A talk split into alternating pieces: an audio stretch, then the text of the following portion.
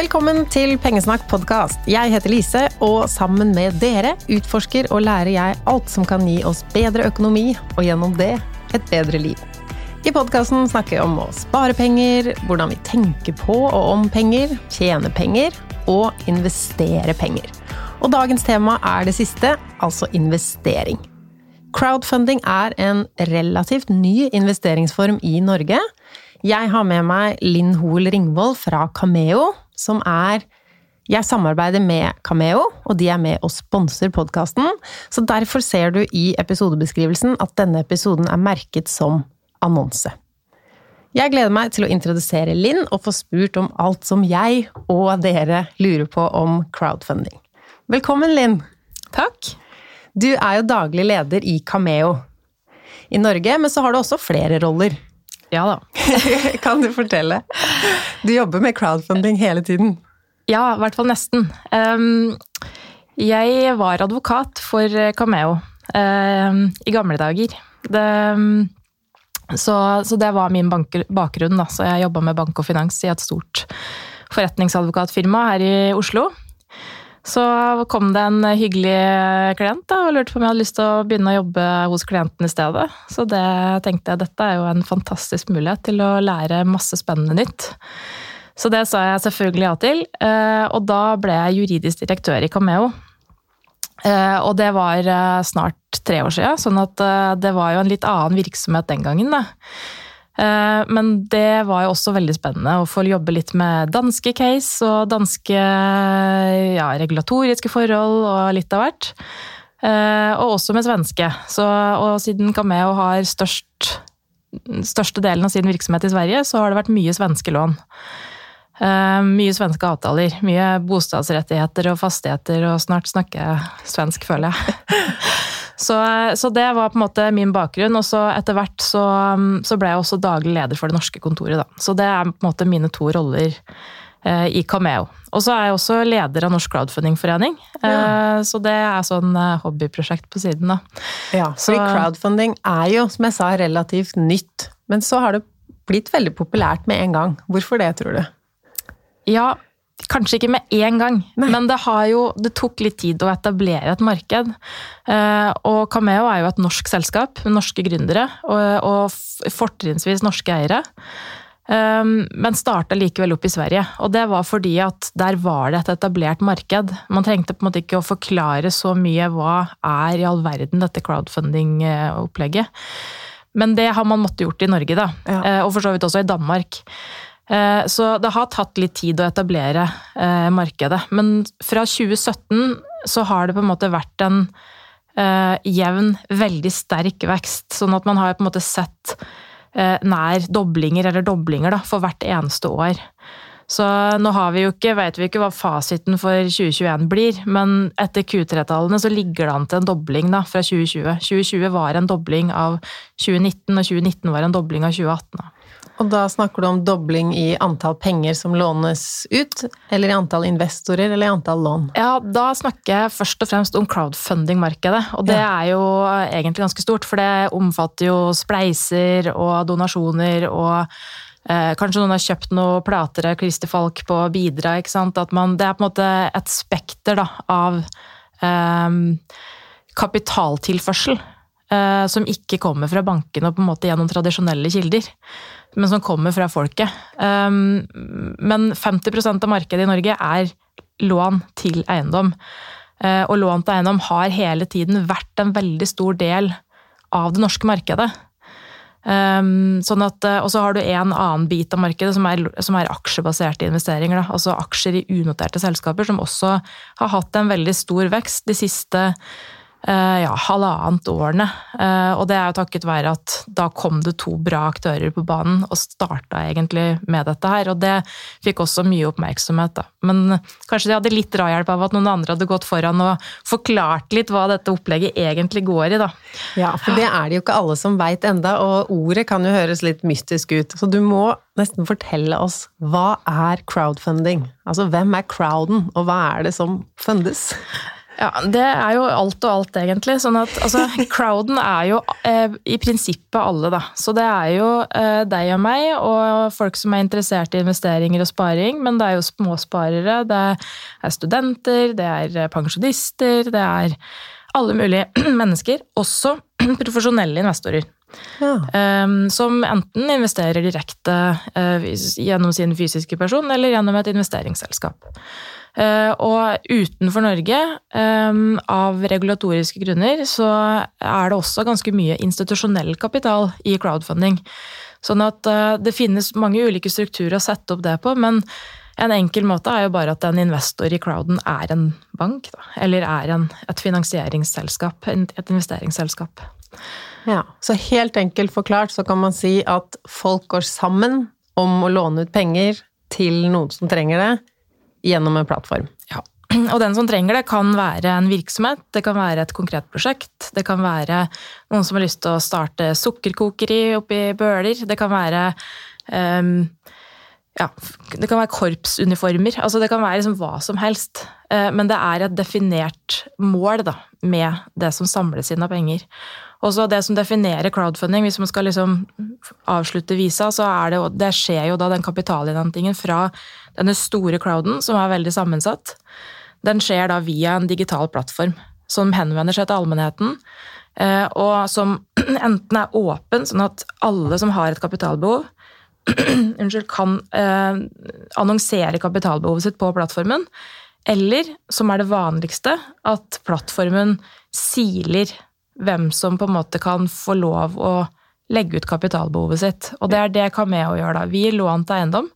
Sånn at når vi får inn en søknad om kapitalinnhenting, eh, så gjør jo vi en kredittvurdering av det eh, før vi publiserer det på plattformen. Og det er først da det på en måte det kapitalbehovet, den kunden, blir synlig for crowden. Så når jeg sitter på cameo.no, så er det ikke sånn at hvem som helst kan si 'invester her', eller 'lån meg penger til ditt og datt'.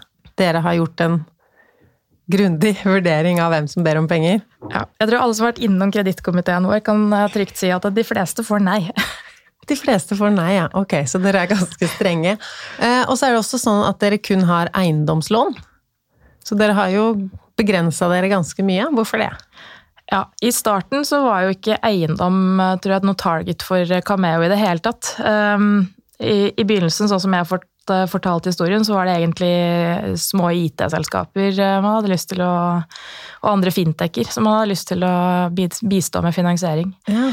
Men det som man skjønte etter hvert som man hadde gjort en del kredittanalyse, og jobba med caser spesifikt, så så man jo at det er fryktelig vanskelig å gjøre en god risikoanalyse og kredittanalyse på et selskap som ikke har noen på en måte konkret, lett forutsigbar sikkerhet da, som de kan stille.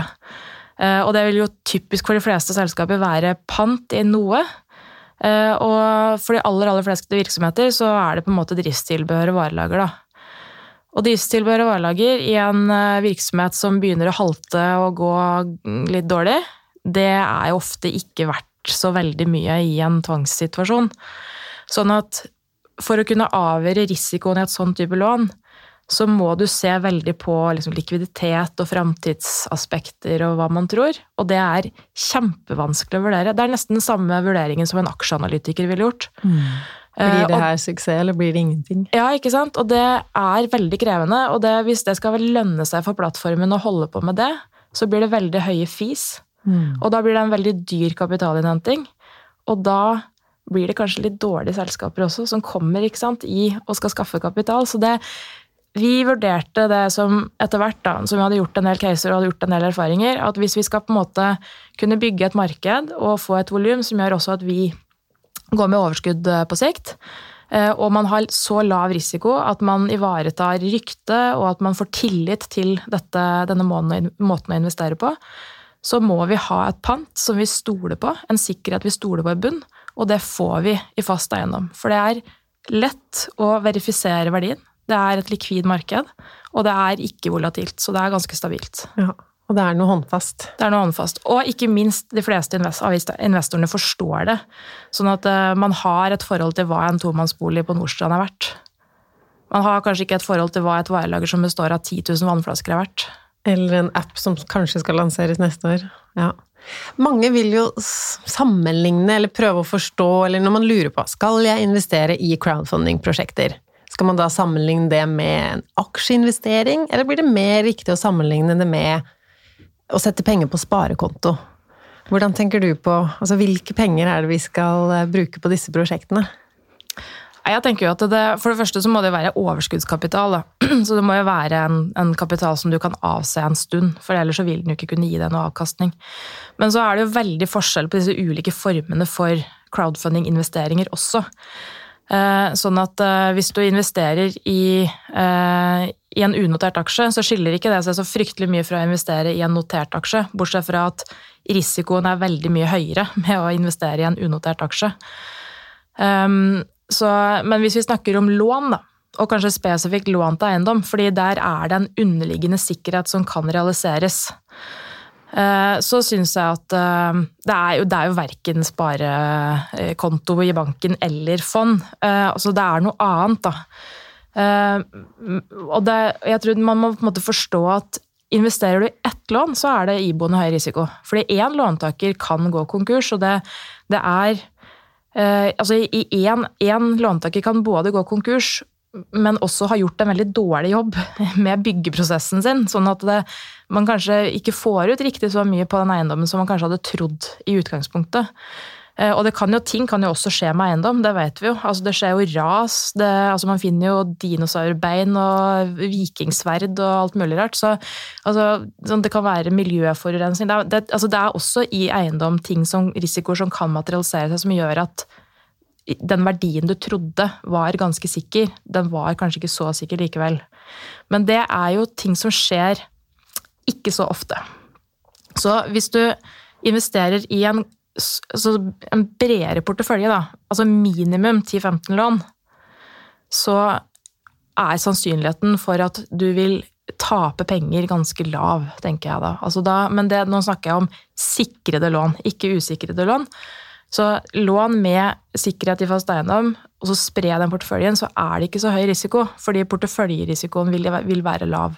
Men investeringen i hvert enkelt lån er høy, da, så det er viktig at bare jeg som advokat understreker det.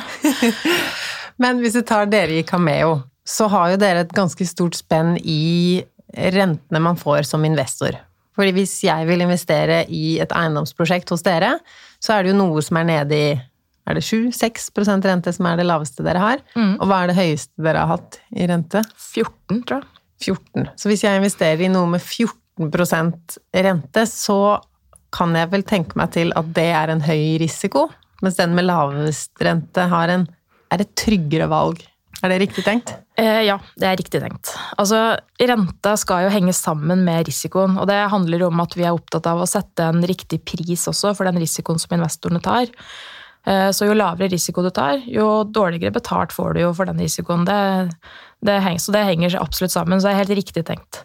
Eh, men så er det jo ikke så enkelt som at altså, Det er jo et marked der ute, så vi er jo også i konkurranse. Så vi konkurrerer primært mot uh, nisjebanker, som ofte låner ut penger på 5-6% kanskje, noen ganger litt høyere.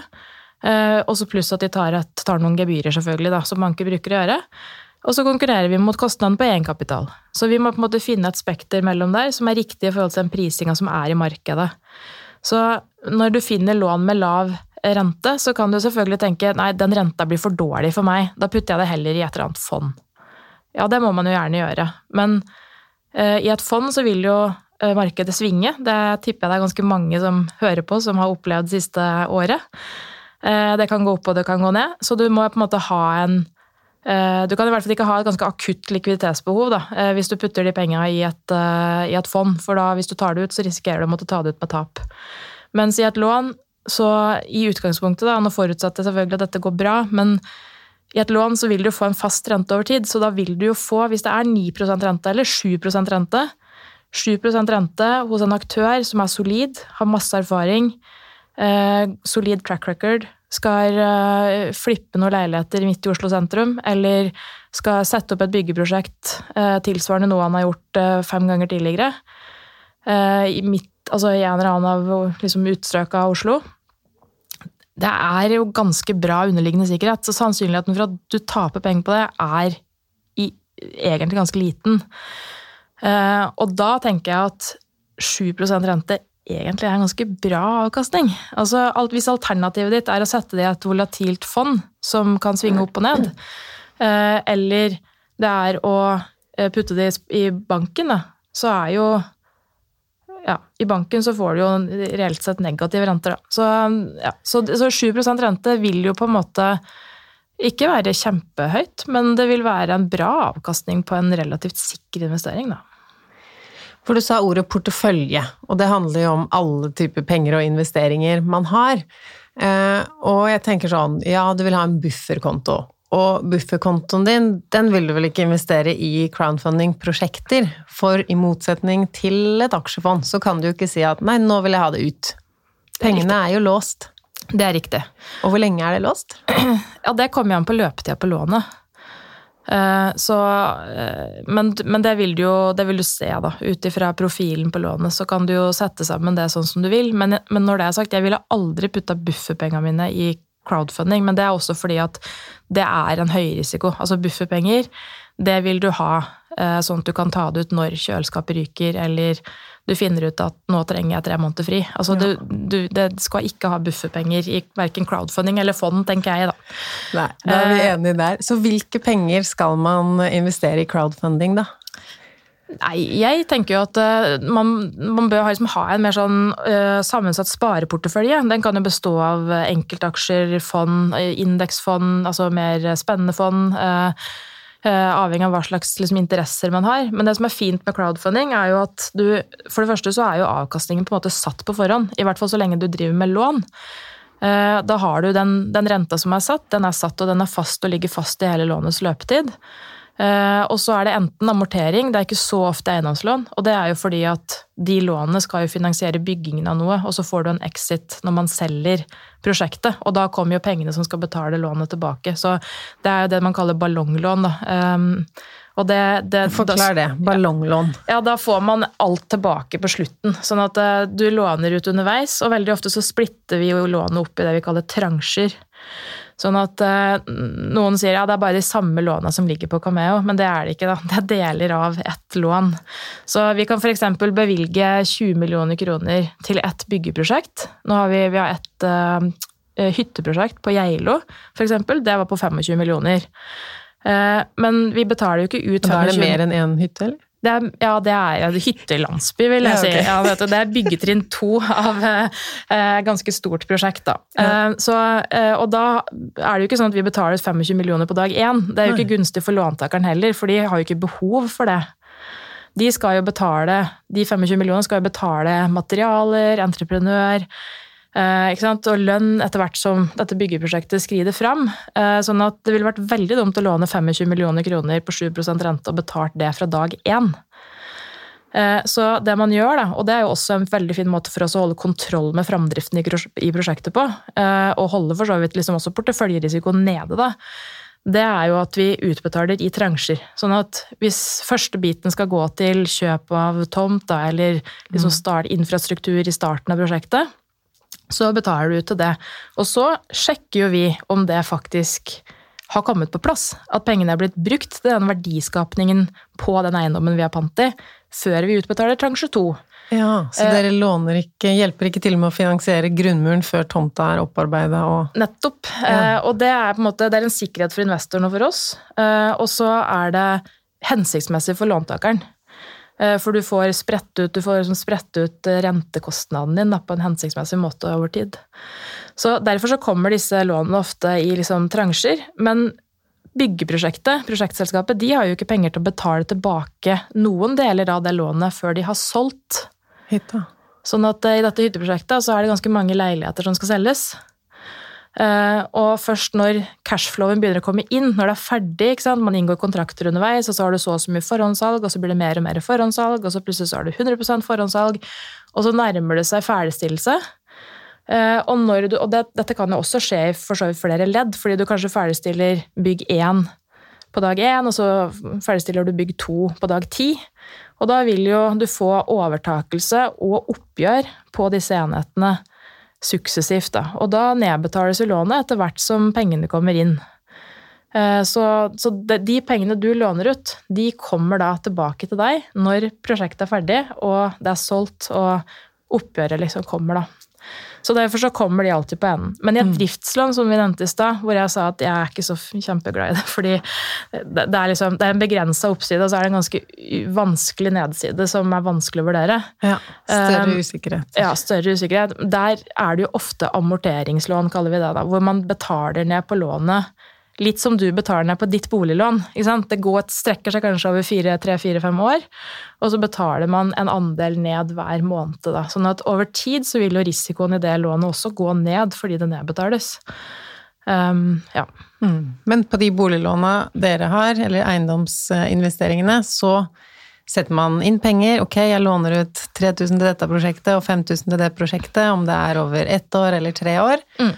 Og selv om jeg ikke ser pengene mine før da den fristen har gått ut, så tikker det jo inn rentekroner underveis. Det gjør det. Så de som låner pengene, de må jo betale inn renter. Det må de. Ja. Så det er jo en av de tingene, altså vi, Når vi gjør kredittanalysen på prosjektet, så er jo en av de tingene vi ser etter om har de kalkulert sant, med riktige finanskostnader, og har de tatt hensyn til alt som de skal ta hensyn til i et byggeprosjekt. Og nå har jo Kamea gjort 509 lån, tror jeg, eh, i Norge, Sverige og Danmark, og en vesentlig del av de er eh, byggeprosjekter. Så det er jo noe som vi begynner å få rimelig god kontroll på internt også, eh, og har liksom fast, et fast oppsett for hvordan vi vurderer et byggeprosjekt. Da. Så litt avhengig av størrelsen og kompleksiteten i det, så så vi veit hva vi skal se etter da, i et byggeprosjekt. Og det kan jo være alt ifra har de, har, de liksom, har de satt av nok penger til moms, har de satt av nok penger til å betale oss renter? Altså hvor skal de få de pengene fra? Må de låne de opp, f.eks.? Um, og, og, til uh, Jobber det egentlig nok mennesker her, eller jobber det altfor mange? Altså, for det kan jo være en hvitvaskingssjekk, da. Ja, så dere sjekker mange ting, men allikevel så sier du jo at det er risiko. Hva er det som kan skje? Nei, det som I byggeprosjekter så er den største risikoen at um, det blir mye dyrere. Altså, man får enten man får forsinkelser.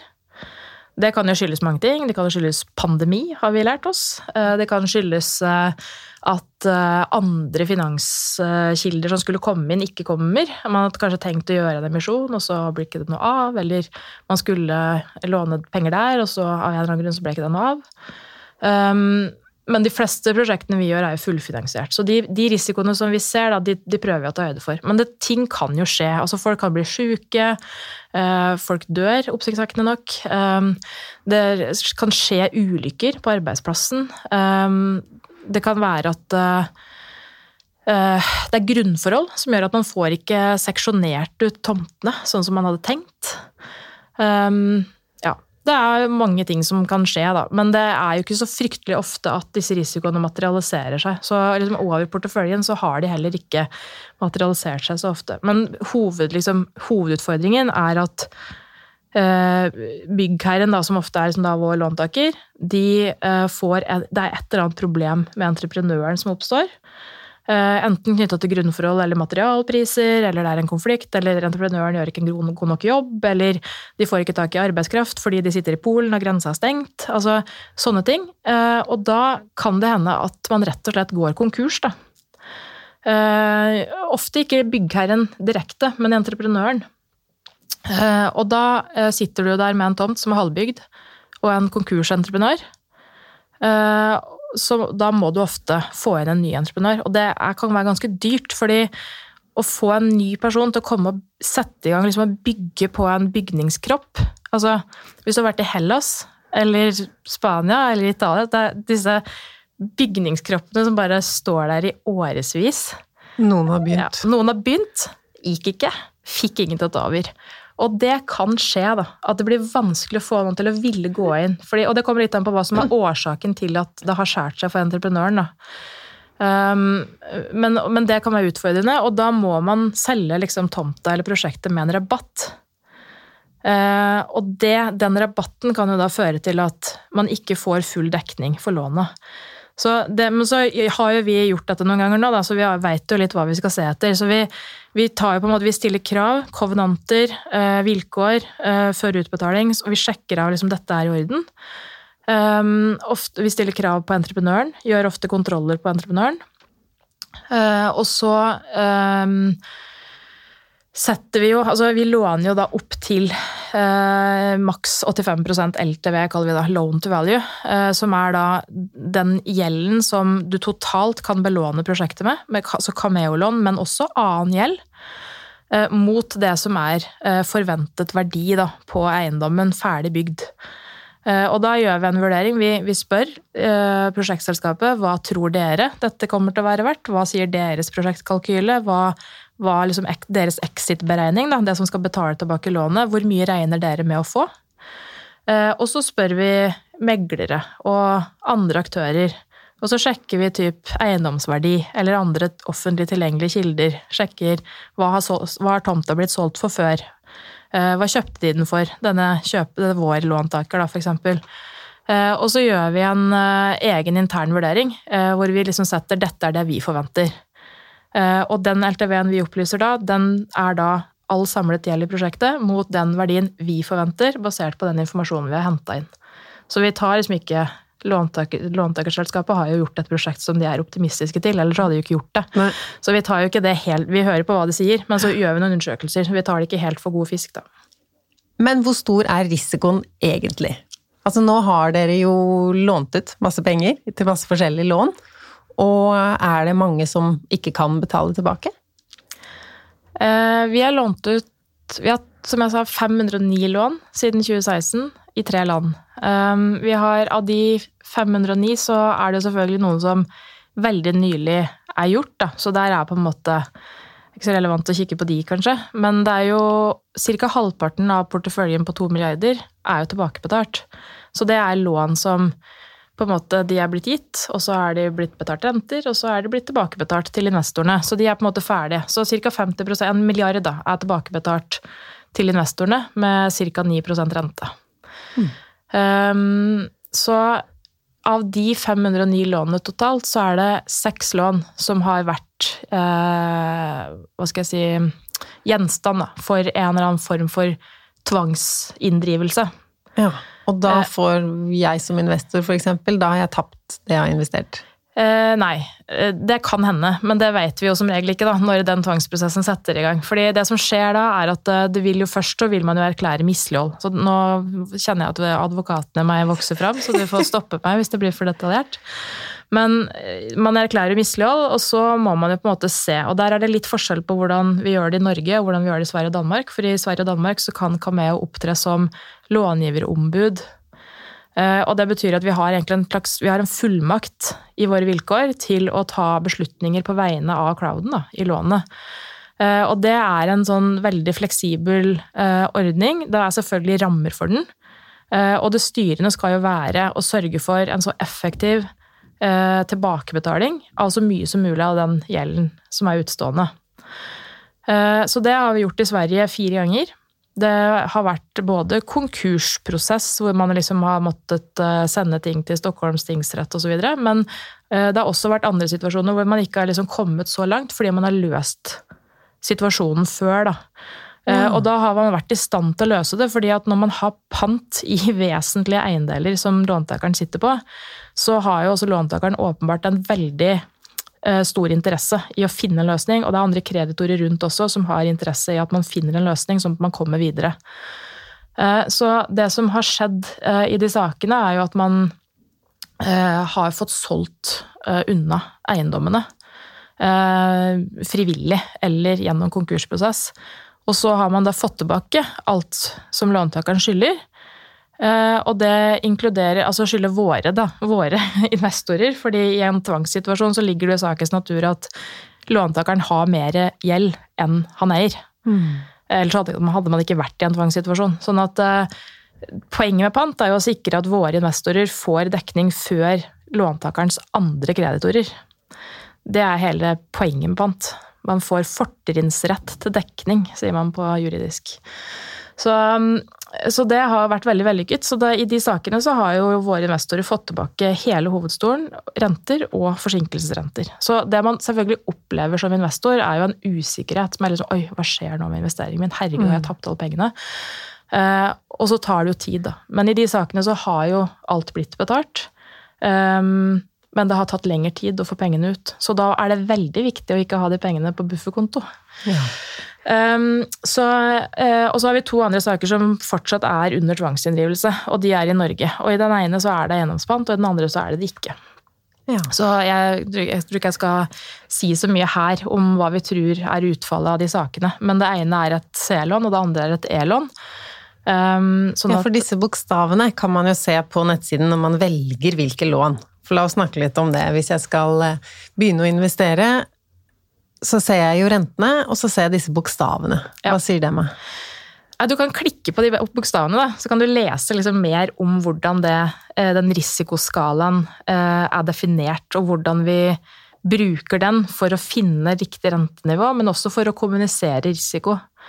Så jeg ser, det er jo, Vi hender vi får spørsmål om ja, men det står jo masse bra greier om dette prosjektet. Ehm, men så er det risikoklasse D. Det står liksom ikke noe om risiko her i prosjektet.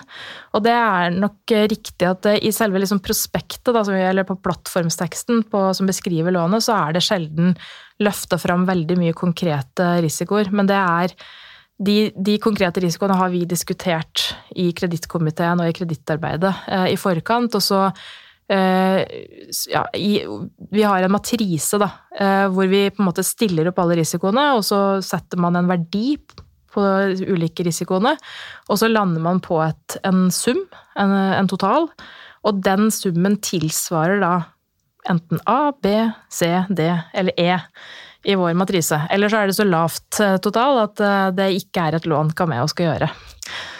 Så, så bokstavene gir uttrykk for uh, altså innenfor de lånene som Cameo formidler, hvor høy eller lav er risikoen totalt sett i prosjektet? Um, og så Hvis man klikker på bokstaven, da, så vil man kunne lese litt mer om hvordan den risikomatrisen fungerer, og hvordan vi jobber for å ta risiko ned, og, og hvilke på en måte iboende risikoelementer som typisk vil være i et sånn type lån. Da. Så er det lettere å garantere at et A- eller B-lån ikke vil bli misligholdt, enn et D- eller E ja, Vi garanterer jo ingenting, da. Vi låner jo ut andres penger, så det er på en måte en, en Hva skal jeg si? Det er, en eh, oppside med å være en plattform. Dette er jo direkte lån. Vi, så vi garanterer jo ikke noe. Men risikoen i et A-lån, hvis vi har gjort kredittanalysen godt, skal være lavere enn i et B-lån. Og et B-lån-risiko skal være lavere enn i et C-lån. Og den matrisen den må man jo gjerne gå inn på hjemmesiden og, og lese mer om, eh, men den består av ulike elementer. Da. Så vi, det vi vurderer i denne kredittvurderingen, det er jo både nøkkelpersoner som er involvert. Hvem er de? Hva har de gjort før? Eh, har de noen erfaring med denne type eh, prosjekter? Um, hva slags økonomisk situasjon er de i? Um, kan de dette her? Uh, har de et bra team? Og så ser vi jo på selskapet, altså hvor solid er det? Uh, har, det, har selskapet gjort lignende prosjekter før? Hvem samarbeider de med? Uh, hvor solide er de?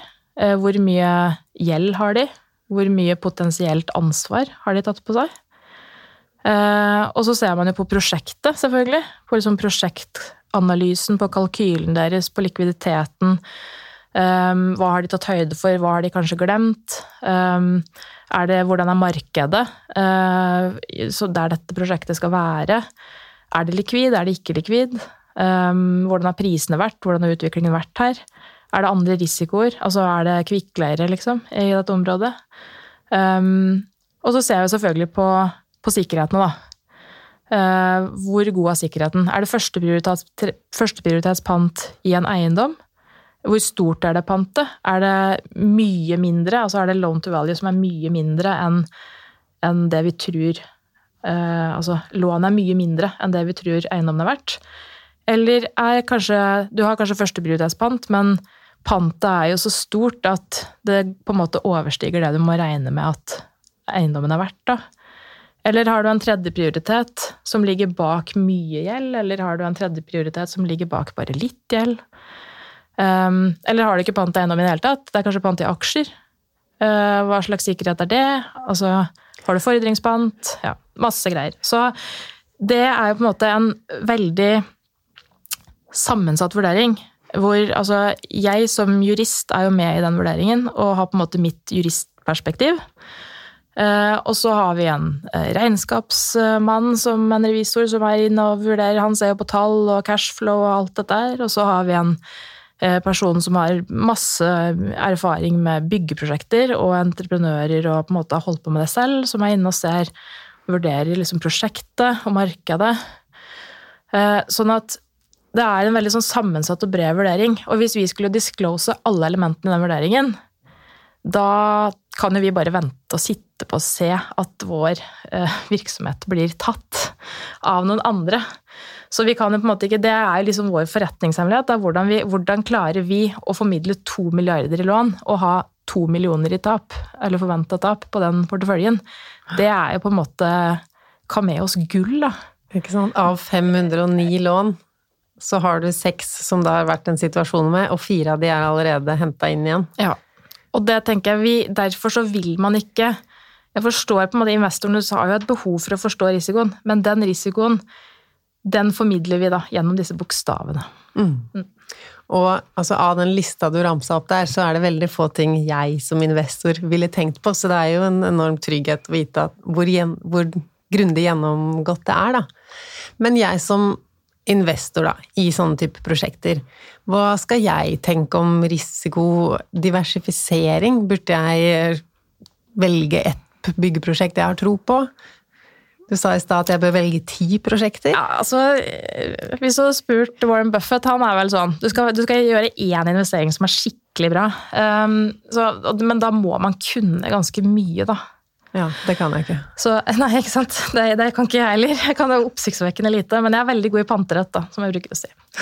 Så, um, men um, Nei, jeg tenker jo at eh, hvis man har liksom, uh, moderat informasjonstilgang, og kanskje moderat tid til å vurdere informasjonen, uh, og kanskje også litt sånn moderat kapasitet, både intellektuelt og faglig til å vurdere ulike aspekter av noe. Sånn, ja. jeg, veldig, jeg, jeg, vil si jeg er veldig god i juss, men jeg er, veldig, jeg er, ikke noe veldig god på liksom, et byggeprosjekt. Så jeg kunne ikke ha bygd et hus. Sånn at vi har jo på en måte alle våre styrker og svakheter. Så med mindre man er liksom i en situasjon hvor man faktisk kan gå inn og vurdere, da, det krever jo normalt et team. da. Mm. At dette byggeprosjekt, dette er liksom et prosjekt som jeg skal gå inn med en million i så ville jeg jo spredt det på mange. Og så gjelder det å finne en formidler av investering som du stoler på. Og det kan jo være eh, Storebrand, det kan være KLP, det kan være DNB, det kan være ABG Det kan være, altså det kan være ulike formidlere av investeringer som forteller deg om investeringsmuligheter, som eh, ikke nødvendigvis gir deg investeringsråd, men som presenterer muligheter for deg.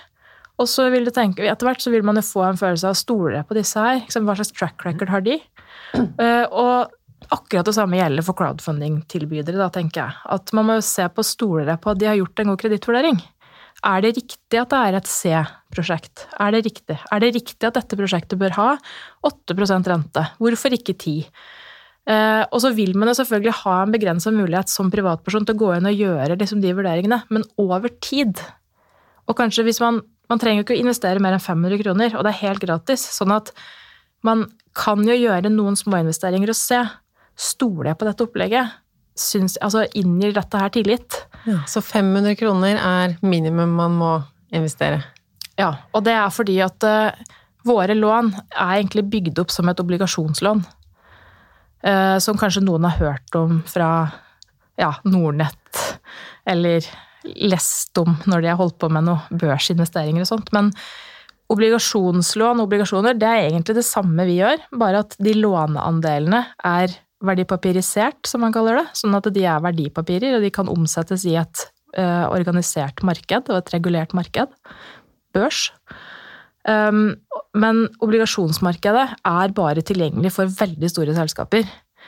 Så hvis du kjøper en obligasjon, uh, eller investerer i et fond som investerer i gjeldsinstrumenter, typisk obligasjoner, så er det Da er du med og finansierer virksomheten til Hydro og Yara og Avinor og Statoil og Altså bedrifter som ikke har særlige problemer med tilgang på kapital. Da. Men det man kan gjøre gjennom en crowdfunding-aktør, det er jo også å være med på å gjøre og realisere prosjekter og ideer og selskaper og arbeidsplasser som har utfordringer med tilgang på kapital. Så når vi har liksom lagd våre lån som et instrument, så har vi gjort det med obligasjonslån som modell. Så det er egentlig å ta et obligasjonslån, men å gjøre det mulig tilgjengelig for et annet marked. Og så hører det kanskje med i den historien og den sammenhengen at skal du kjøpe en obligasjon, så må du ut med kanskje 250 000 eller 500 000 eh, til ett selskap, mens hos oss da så er låneandelene ikke på 250 000, men på 500 kroner. Ja, Og det gjør jo at man da kan investere i flere som du anbefalte oss i stad. Ja. Så du må, du må, du må, um, du må investere, du bør investere i flere, og så vil jo for de låneandelene av 500 kroner, så kan du kjøpe akkurat som en aksje, så kan du kjøpe én låneandel, eller du kan kjøpe to eller tre eller fire. Så du kan ikke investere 73 kroner. Du kan heller ikke investere 573 kroner. Du må på en måte investere i disse 500 kroners intervallene. Ja, Så derfor kan jeg ikke investere 2007, men jeg kan investere 2005 eller ja. 3000. Riktig. Ja. Og hvis jeg hadde hatt det er ikke sikkert du er den rette å svare på dette spørsmålet, men hvis jeg har 400 000 kroner, så tenker jeg kanskje jeg skal investere litt i fond og litt i crowdfunding, eller burde jeg investere alt i crowdfunding? Hva tenker du? altså, jeg er jo da ikke investeringsrådgiver og kan ikke gi finansielle råd. Uh, og så vet jeg ikke engang om min private økonomi er liksom spesielt godt egnet til inspirasjon, men det som man på en måte eh, kanskje liksom er litt sånn oppløst og vedtatt, det er sånn som du er inne på, du må ha en buffer. Den bør kanskje stå på en bankkonto. Eh, og så vil det jo avhenge veldig av hva slags situasjon du er i på privaten. Har du barn, har du hus, har du bil, har du hund? Altså, det kommer veldig an på da, om den bufferen bør være 30 000 eller 300 000. Det vil variere veldig fra person til person. Eh, så da får man kanskje diskutere litt med partneren sin, eller ringe pappa eller mamma. Eh, eller snakke med banken. Kanskje ikke snakke ikke snakk med banken, forresten. Det var veldig dårlig råd. Um, de sier bare seg alt i banken. Alt i banken. Eh, sjekk på Finansportalen hvilke banker som tilbyr en god innskuddsrente. Sjekk også vilkårene for å kunne ta de ut. For noen innskuddskontoer med veldig god rente, de låser inn pengene dine. Um, så da vil jeg først liksom finne ut hvor mye trenger jeg buffer av disse 400 000. Og så hva er det du sitter igjen med etterpå. Og så ville jeg putta en god del, hvis det er langsiktig sparing da, som man er ute etter, og man er kanskje i 20-30-40-åra, da er det ganske lenge til man kanskje skal bruke de pengene. For da har man på en måte Vanligvis da, så sparer man til en slags en, en, pensjonstilværelse på et tidspunkt. Eller kanskje at man skal kunne ta og starte en pensjonstilværelse litt før man ellers kan. Eller Kanskje man kan kjøpe seg et litt finere hus når man blir litt eldre. Altså, men det er relativt langsiktig sparing, da. Minst sju til ti år, tenker jeg. Da ville jeg putta ganske mye av de 400 000 i, i fond. Ja, så du er ikke imot fond? Nei, nei, jeg elsker fond. Jeg har masse fond. Så, ja. ja. og da er det jo litt sånn, vil man bruke indeksfond, eller vil man på en måte, er man veldig interessert i IT, eller har veldig tro på fremvoksende markeder, eller skal man ha bærekraft, er det energiaksjer, altså, ja, ikke sant? Det, dette er jo det du driver med, så dette kan jo du alt om, og sikkert 100 andre pengesnakk-episoder om dette her. Eh, så jeg ville putta ganske mye der, fordi det er liksom enkelt, stabilt, du kan fasttrekk, det bare bygger seg opp. Veldig fin måte å bygge seg opp en liten backup på der.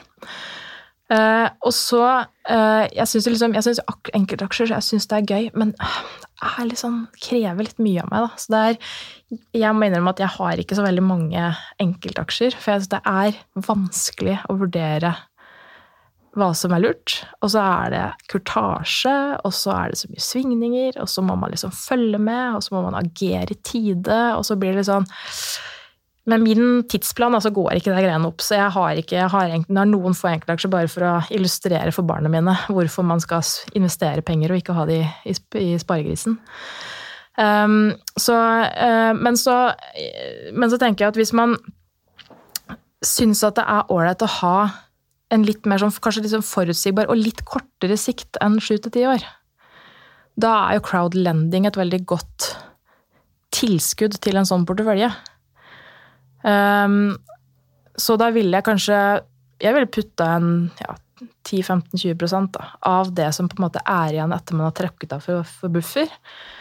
Og så putta det i den type investeringer.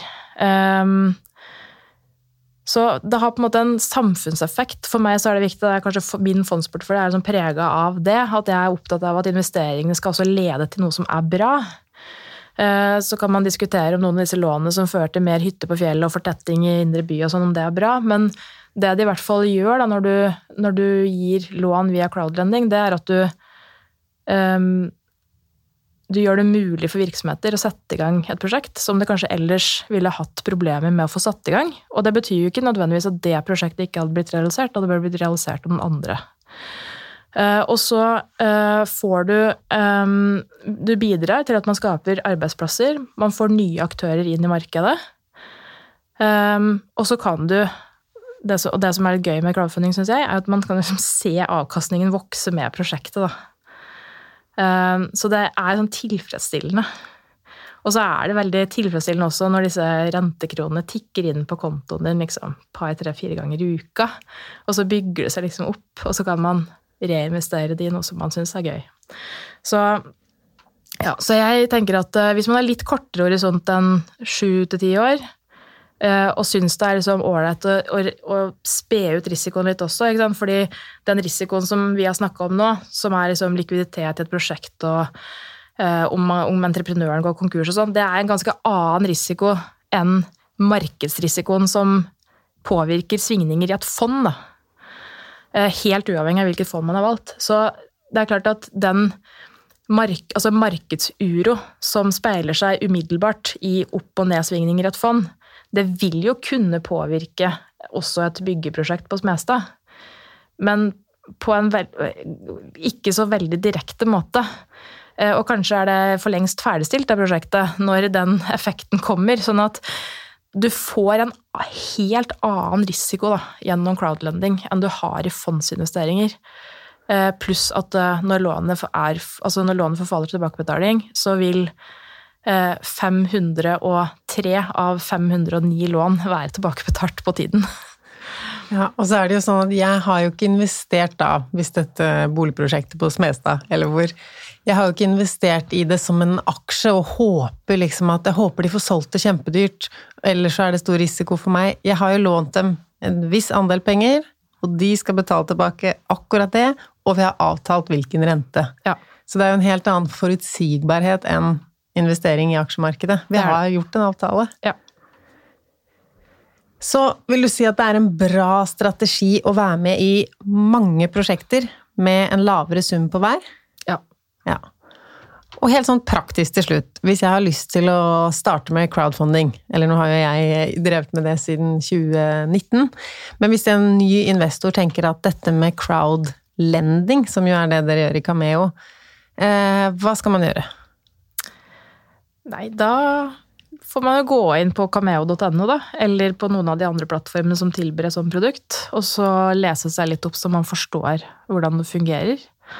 Eh, men det er jo ganske enkelt hvis man først eh, har hørt på denne episoden for eksempel, og tenker at dette hørtes ganske ålreit ut. Så går man inn på cameo.no, og så skaper du deg en profil. Eh, og da, Vi er jo et finansieringsforetak, så vi er underlagt hvitvaskingsforpliktelser f.eks. Så vi skal jo kjenne våre kunder. Så da må man gjennom en liten sånn karusell, hvor man må svare på noen spørsmål om eh, hvem man er og hvordan man tjener pengene sine og hvor mye man har tenkt å investere og sånt, som er sånn faste spørsmål som, som vi er forplikta til å stille. Og så bekrefter man ID-en sin med bank i det. Og så har du en konto.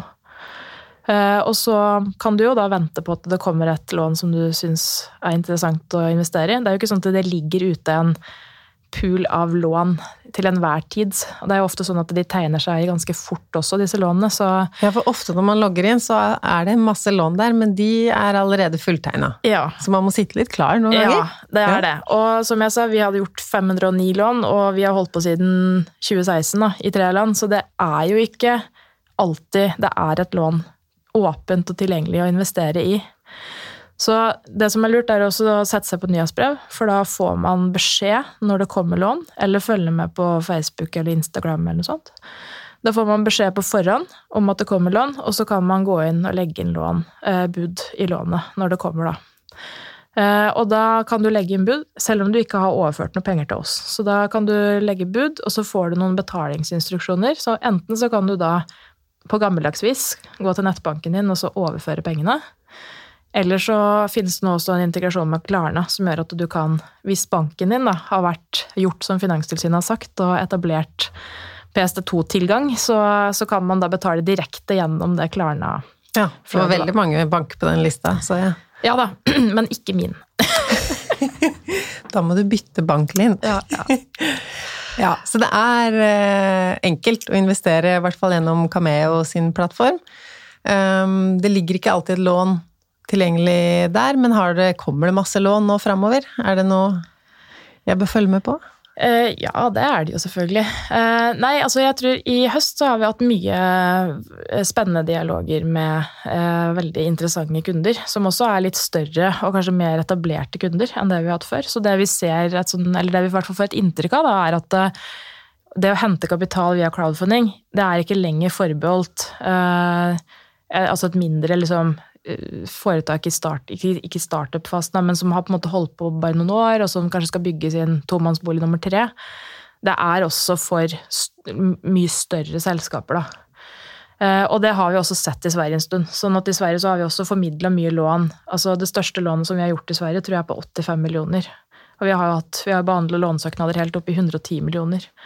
Så det er ikke småselskaper, altså det er store, etablerte aktører. Eh, og det, Men det skal ganske mange investorer til, da, hvis vi investerer bare 500 og 5000 kroner hver? Ja, men det er jo 30 000 i crowden, da, så det er jo på en måte er jo eh, absolutt mange som er interessert i dette her, og som, og som er med på det. Så, og det er jo noen profesjonelle og mer sånn institusjonelle aktører også inni den crowden. Ja, Så de legger større summer?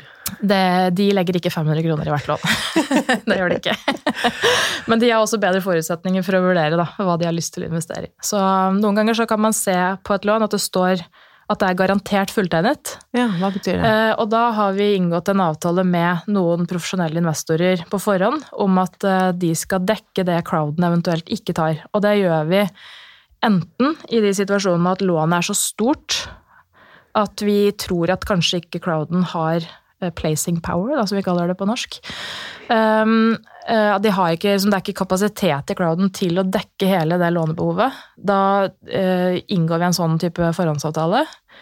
Um, eller at det er en type kunde som er spesielt opptatt av og avhengig av at lånet blir fylt. Sånn at selv om det kanskje vi tror at dette vil på en måte den vanlige crowden kunne konsumere, så er det helt avgjørende for kunden å vite at den, det er helt sikkert at det blir mm. fylt. Og da gjør vi en sånn eh, forhåndsavtale, da. Men det vil man typisk finne på altså lån med litt lavere risiko. Ikke D- og E-lån, f.eks.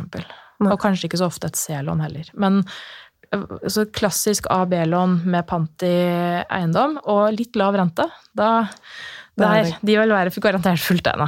ja. Men da har dere gjort en avtale med større investorer, men dere lar oss småinvestorer få prøve først? Ja, da ja. ligger det ute typ en uke, kanskje. Og så ja. det som ikke er blitt fylt av crowden, da, det fylles da opp av de profesjonelle investorene. Sånn at vi kan få betalt ut lånet raskt. Da. Det er ofte det som er eh, hensynet bak. Tusen takk for all informasjonen om eh, crowdfunding generelt, og Cameo spesielt. Jeg legger en link til Kameo Cameo i episodebeskrivelsen, men så har dere jo også lansert nå et verveprogram. Ja. Hvordan det, funker det? Det har vi. Um, det fungerer sånn at uh, hvis du er investor på Cameo, så kan du verve en venn. Det kan du jo alltid gjøre, men det som er da uh, nytt med dette verveprogrammet, er at hvis du har investert 10 000 kroner, og din venn også investerer 10 000 kroner innenfor en Eh, tidsperiode. Da får begge 500 kroner hver for å investere på Cameo. Så da kan du bruke de og få en låneandel i et lån som du kanskje heller ikke hadde investert i. Da tør man kanskje å ta et, høyrisiko, et høyere risikolån med den 500-lappen. Men de 10 000 man, man, må ha investert før man kan verve noen, må det være i ett lån? Nei, nei, nei. nei. nei. Altså, beste, kan ha de på ti lån? Ja, det beste er jo om det er på 20, egentlig. Ja. Uh, ja, ja. Men det er ikke noe test på det, da. Det er ikke noe det er ikke noe egnethetstesting på det. Så, så hvis, hvis jeg, har 10 000 i ett lån, så er jeg klar for å verve vennene mine? Når du har investert 10 000 kroner, så får du en vervelenke. Så ja. da kan du sende den videre. Og da kan du verve så mange du vil, da. Ja. Mm. Og når de investerer 10 000, så får du 500. Og så får de 500. Ja. Så må man be de om å høre på denne episoden her òg, sånn at de lærer seg alt om risikoen, og at de kanskje bør spre det litt bedre. Det er veldig lurt å gjøre det. Så er man en ansvarlig person, tenker jeg. Mm. Ikke sant. Takk for besøket, Linn, med all god info du har kommet med om eh, crowdfunding og crowdlending. Bare hyggelig.